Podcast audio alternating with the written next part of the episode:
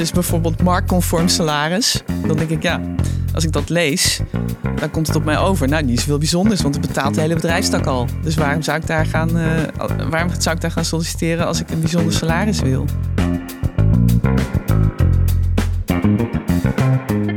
Dit is Werken aan Groei, een podcast van Indeed.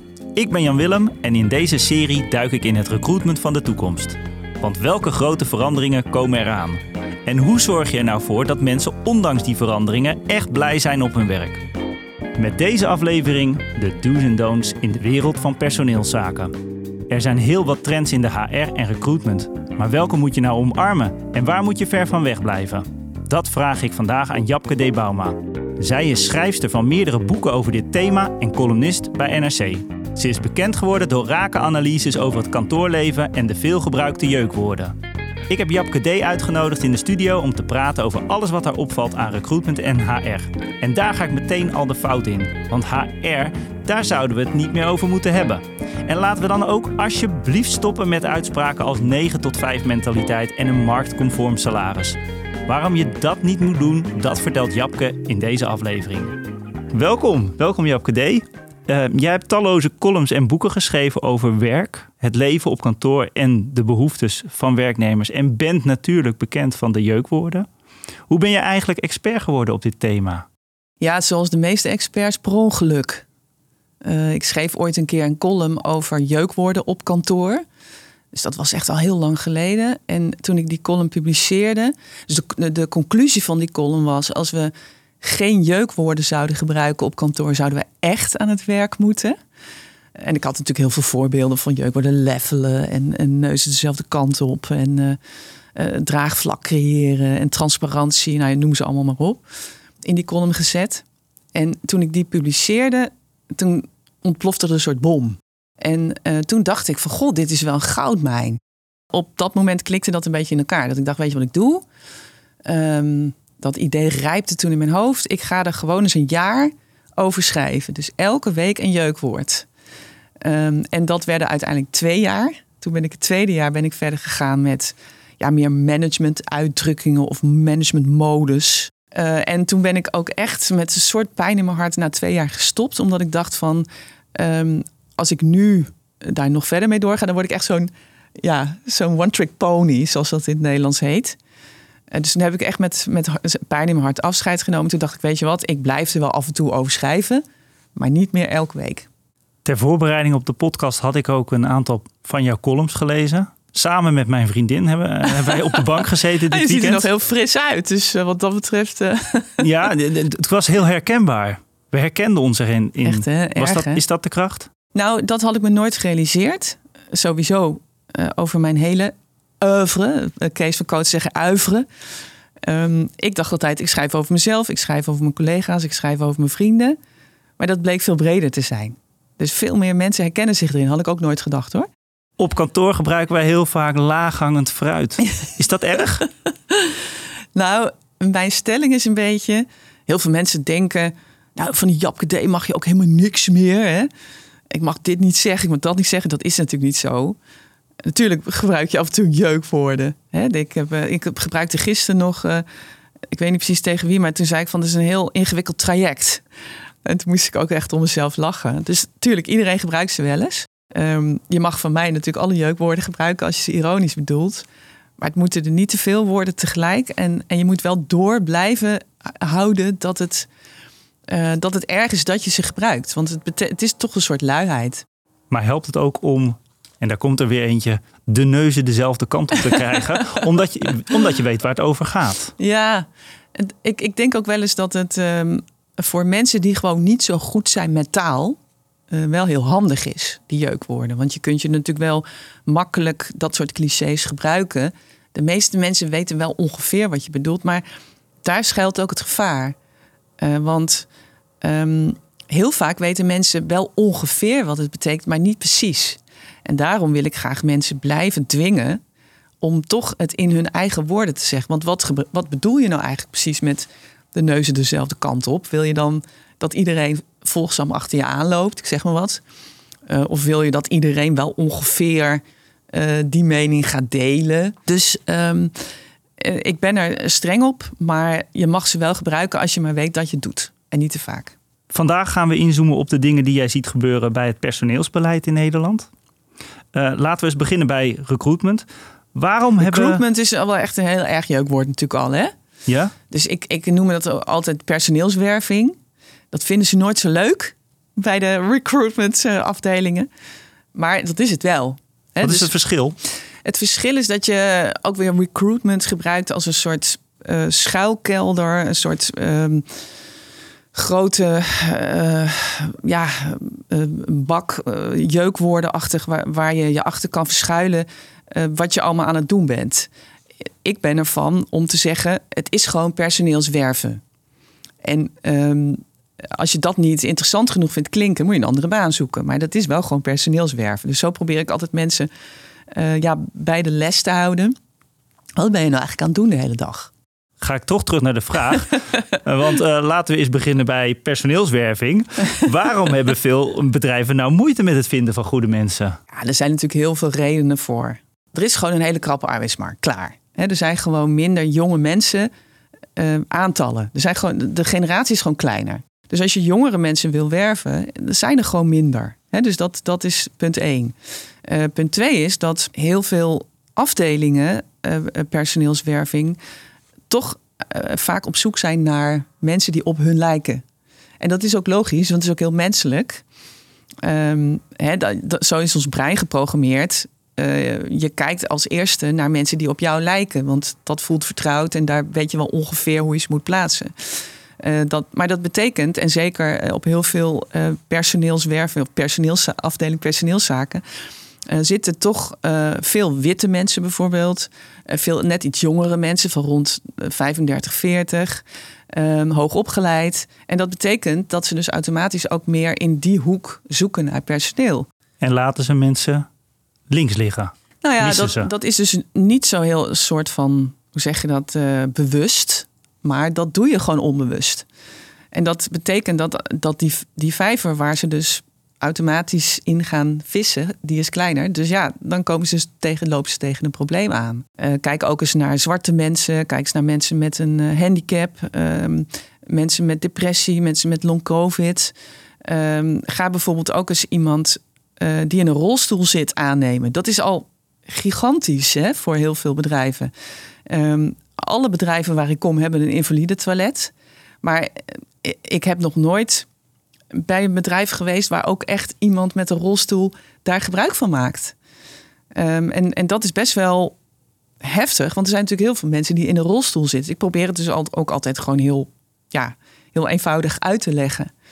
Um, tegelijkertijd is het natuurlijk ook heel makkelijk van mij gezegd, want ik, ik hoef die mensen natuurlijk niet te werven of ik hoef überhaupt geen personeel te werven. Maar uh, die column van kijk nou eens wat verder dan je neus lang is. Uh, die, die heeft wel eh, veel losgemaakt. Overigens, ik vergeet natuurlijk nog het belangrijkste te zeggen. Of tenminste in aantallen. Neem ook eens gewoon wat oudere mensen aan. Ik kreeg, wat ik, waarom ik die column ben gaan schrijven... was omdat ik op LinkedIn heel, heel vaak hoorde... ja, ik heb nu 213 keer gesolliciteerd. Ik ben 56 jaar. Ik word overal afgewezen, terwijl ik een bak aan ervaring heb... Wat, is, wat is er aan de hand? En dat hoorde ik niet van één persoon, maar van heel veel mensen. Um, dus daar zit natuurlijk al gewoon een hele grote potentiële doelgroep. Uh, ja, het is misschien uh, hè, wat, wat ik in mijn column schrijf. dan zit je dus je vader of je moeder aan te nemen hè, als, als personeelswerver. Maar die mensen kunnen natuurlijk gewoon heel goed werken. Ze zijn vaak heel erg breed opgeleid. Ze hebben hun leven lang allerlei cursussen gevolgd. Dus waarom zou je dat niet doen? In de krappe arbeidsmarkt wordt het ook steeds belangrijker dat je eruit springt voor werknemers door bijvoorbeeld een vacaturetekst. Jij hebt al vele columns geschreven over de vele dingen die fout gaan bij de gemiddelde vacaturetekst. Wat zijn de grootste zondes die worden begaan? nou ja, dat gaat dan weer over die clichés natuurlijk. dus bijvoorbeeld marktconform salaris. Dan denk ik, ja, als ik dat lees, dan komt het op mij over. Nou, niet zoveel bijzonders, want het betaalt de hele bedrijfstak al. Dus waarom zou ik daar gaan, uh, waarom zou ik daar gaan solliciteren als ik een bijzonder salaris wil? 9 tot 5? Is mijn persoonlijke favoriet? 9 tot 5 mentaliteit. Uh, ik denk altijd, ja, als je van als je 9 tot 5 mentaliteit hebt, is het juist heel handig. Want dan zijn de meeste collega's er ook. Ja. Je kunt wel een, nou noem eens wat, s'avonds tien tot s ochtends vier mentaliteit hebben. Maar ja, dan zit je daar je eentje op kantoor. Dus er zit niet zoveel zin natuurlijk. Um, dus dus dat, dat zijn dan clichés. Maar ook ja, gewoon. Ik zie dat nog steeds voorbij komen. Spin in het web en, en dat soort afschuwelijke termen. Ja, de pingpongtafel vind ik altijd een rode vlag. Als die wordt benoemd? Dan denk ik altijd van oeh, ja, dat is waarschijnlijk omdat er verder weinig, uh, weinig faciliteiten zijn in het bedrijf. Overigens, wat ik, wat ik merk van heel veel lezers, dat hele we gaan met z'n allen naar feestjesgevoel of naar vrij Mibo's. Overigens, de vrij Mibo bestaat ook helemaal niet meer, hè, want er is niemand meer op kantoor op vrijdag. Uh, maar dat, dat een biertje drinken met je baas bijvoorbeeld, um, dat is eigenlijk heel. Ja, misschien zeg ik iets geks hoor nu, maar uh, dat, dat is meer iets van mijn generatie, volgens mij. Want ik hoor heel vaak van jongere collega's: ik heb geen zin om met mijn collega's, ik duik mijn vrienden voor. En ik ben eigenlijk best wel uitgeblust na zo'n hele dag uh, werken. Jongere mensen zijn ook vaak best wel wel serieus met hun werk bezig. Hè? Was ik ook trouwens hoor, vroeger. Uh, dus die, en bovendien zijn ze nog niet zo ervaren. Dus ze verliezen ook nog vaak heel veel energie overdag. Um, en die hebben vaak helemaal geen zin om uh, na hun werk nog bier te gaan drinken. Maar voelen misschien wel groepsdruk. Ook dat, ja. Uh, dus als ze dan zeggen van ja, je, bij ons kun je met je baas een biertje drinken na afloop, dat is voor heel veel mensen helemaal niet leuk. Of ze krijgen dan een paniekaanval van wat moet ik tegen mijn baas zeggen, weet ja. je? Dus dat al die zaken bij elkaar. Um, en wat ik het allerergste, dat ben ik niet in mijn eentje in hoor, maar het allerergste vind dat zijn van die vacatures die dan precies gaan lopen beschrijven wat je de hele dag gaat doen. S ochtends om acht uur pak je je kop, eerste kop koffie. Dan denk ik acht uur, dat is voor mij best wel vroeg. vroeg. Uh, en dan heb je om tien over acht werk je al je mail weg. Om half negen heb je je eerste werkoverleg. Denk ik, oh mijn god, het gaat de hele dag door. Um, mag ik misschien mijn eigen, mijn eigen dag indelen? Ik krijg daar een heel paniekgevoel van en heel veel lezers met mij. En hoe kunnen werkgevers jou nou wel een goede vacaturetekst schrijven? Uh, ik ben daar niet de expert in. Maar er zijn heel veel experts die dat vele malen uh, beter kunnen. Uh, en natuurlijk kost het misschien geld. Hè, dat weet ik wel zeker, want die bureaus doen dat natuurlijk ook niet voor niks. Maar het is wel een hele goede investering. Want door een goede, bondige, heldere vacaturetekst um, trek je misschien wel de juiste, uh, trek je wel het juiste personeel aan. En helemaal geen jeukwoorden in gebruiken, is dat not nou, done? dat is een goede vraag, want uh, daar had ik ook wel eens een keer. Ik, ik heb ooit een keer inderdaad iemand van Indeed uh, geïnterviewd daarover. Um, en ik was daar wel gevoelig voor dat argument. Je moet natuurlijk wel wat jeukwoorden erin laten. Moet je mij horen hè, dat ik dat zeg. Waarom? Omdat mensen natuurlijk vaak toch wel googelen op vacatures.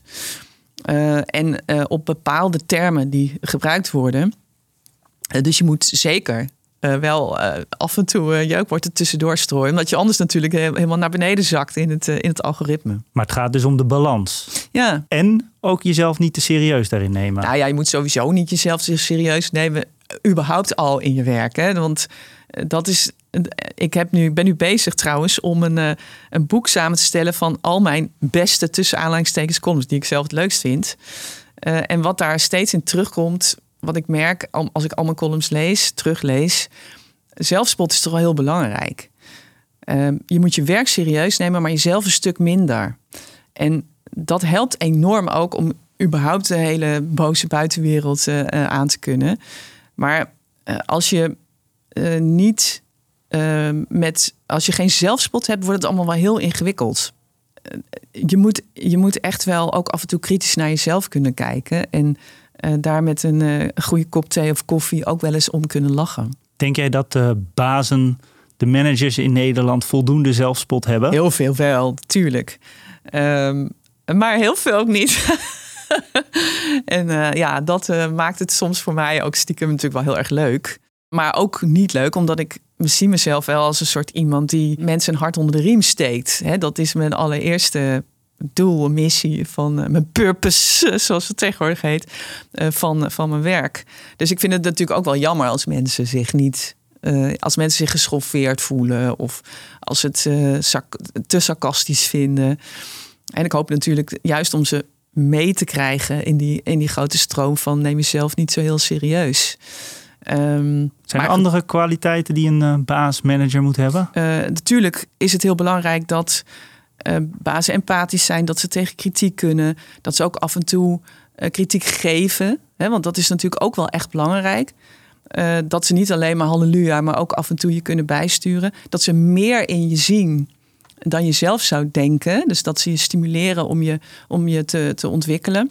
Dus zo wisselen de capaciteiten die een baas moet hebben natuurlijk ook, eh, ook steeds in, in, eh, in de loop van je carrière.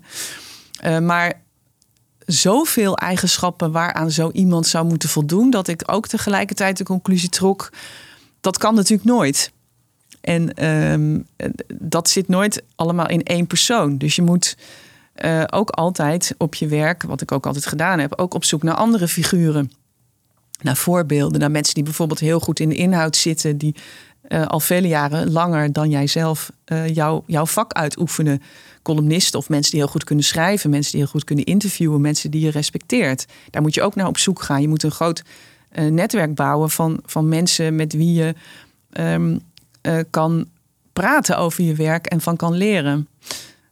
En tegelijkertijd is mijn advies aan heel veel bazen en managers ook: je doet het toch nooit goed, dus ontspan ook af en toe. Ehm, dus in, die, eh, in al die columns over bazen heb ik ook altijd gezegd: probeer ernaar te kijken en probeer eh, het te lezen en probeer jezelf te verbeteren. Maar er is wel een grens en op een gegeven moment moet je ook de streep trekken en eh, gewoon je eigen gang gaan, want je doet het toch nooit goed. En op het juiste moment weggaan, dat was ik vergeten. Ga op het juiste moment weg. Ga altijd op je hoogtepunt weg als baas.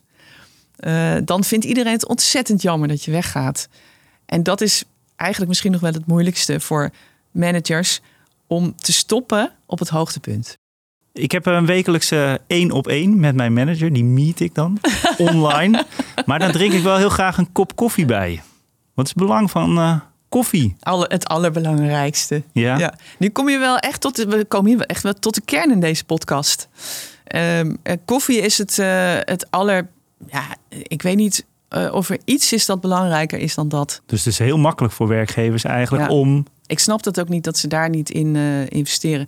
Ik kwam laatst bij een gemeente. eh, die zag ik echt niet aankomen. Ehm, ik, ik kom daar binnen voor een lezing. En die mensen hebben daar gewoon een barista.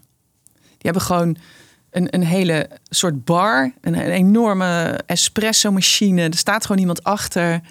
En ik dacht gelijk bij mezelf: het is dat ik niet bij, op dit moment niet bij een gemeente zou willen werken. Maar ik heb er wel de hele nacht van wakker gelegen. Dus dat is ook een goede manier om mensen weer terug te halen naar kantoor. Ja, een van de vele manieren om mensen terug te halen naar kantoor. Ja. Zijn er ook andere manieren? Deze week ga ik daar ook een column over schrijven. Hoe krijg je ze terug naar kantoor? Ehm, want, want ik ben er wel een beetje anders. Ik ben er niet echt anders over gaan denken, maar wel genuanceerder. Vroeger was ik gewoon, joh, blijf lekker thuis. Als jij thuis wil blijven, ga je lekker thuis werken. Eh, en nu denk ik toch wel. ehm, misschien moeten we ook af en toe wel weer eens naar kantoor gaan. Voor de verbinding?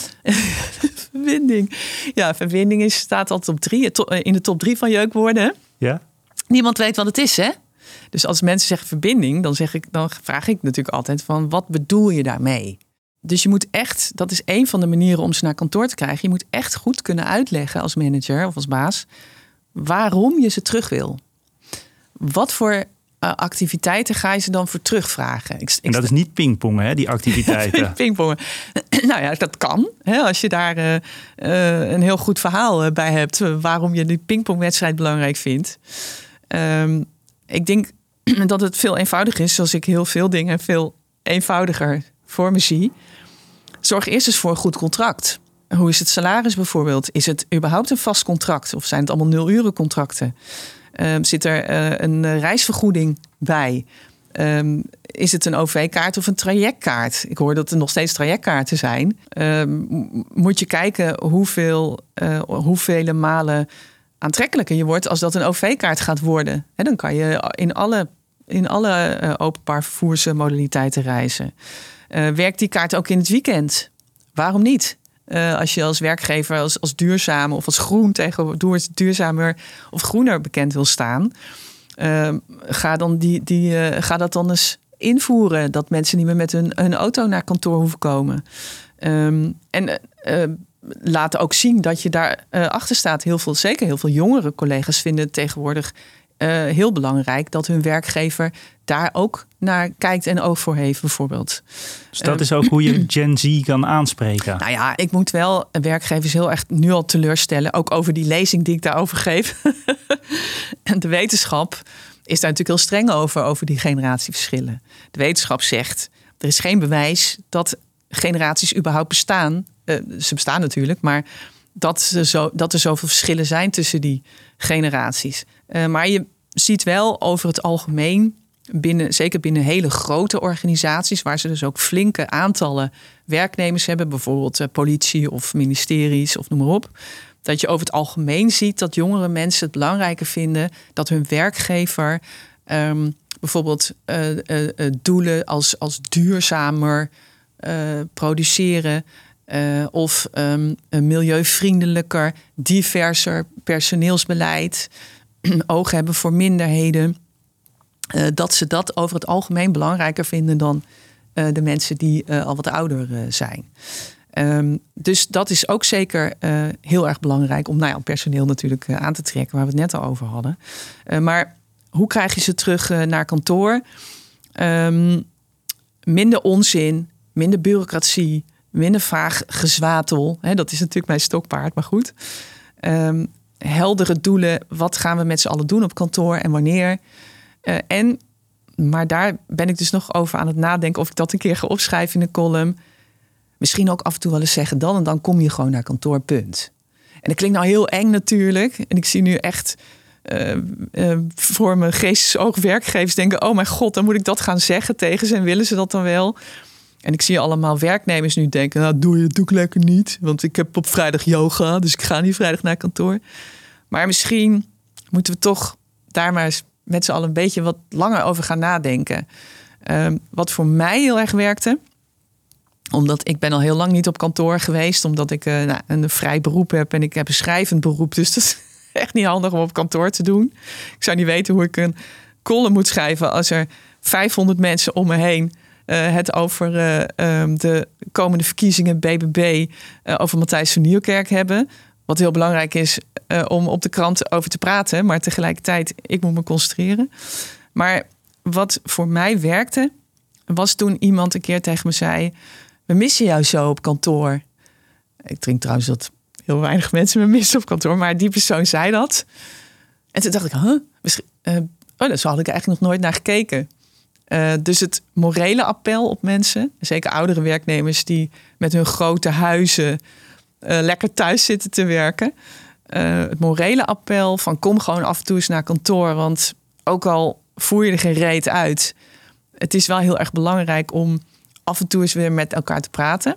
Verbinding te maken. De verbinding te maken. Ja, het, ik zeg altijd niet verbinding, ik zeg altijd het gevoel dat je ergens bij hoort. Uh, en dan kan ik ook heel uh, uh, emotioneel, niet nu hoor, maar daar ben ik in mijn leven van vaak heel erg emotioneel over geweest. hoe bijzonder dat is dat je ergens bij hoort. En ik zit al 25 jaar bij NRC. Dat moet je ook natuurlijk niet vaak hardop zeggen. maar ik zit wel meer dan 25 jaar bij NRC. Waarom? Omdat ik het gevoel heb dat ik ergens bij hoor. en als we, als andere mensen dat zouden hebben, en als een manager dat kan uitleggen dan komen mensen volgens mij veel eerder terug naar kantoor dan met zo'n vaag praatje over verbinding.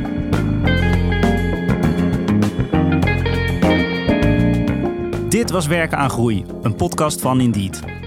In de volgende aflevering van Werken aan Groei ga ik in gesprek met Esther Maland. Esther is oprichter van De Wereld van Personeel en helpt MKB'ers met hun personeelszaken. Want er bestaat geen one-size-fits-all HR-strategie en je moet keuzes maken die passen bij jou als ondernemer en bij je bedrijf. Esther vertelt hoe je dat nou kunt aanpakken.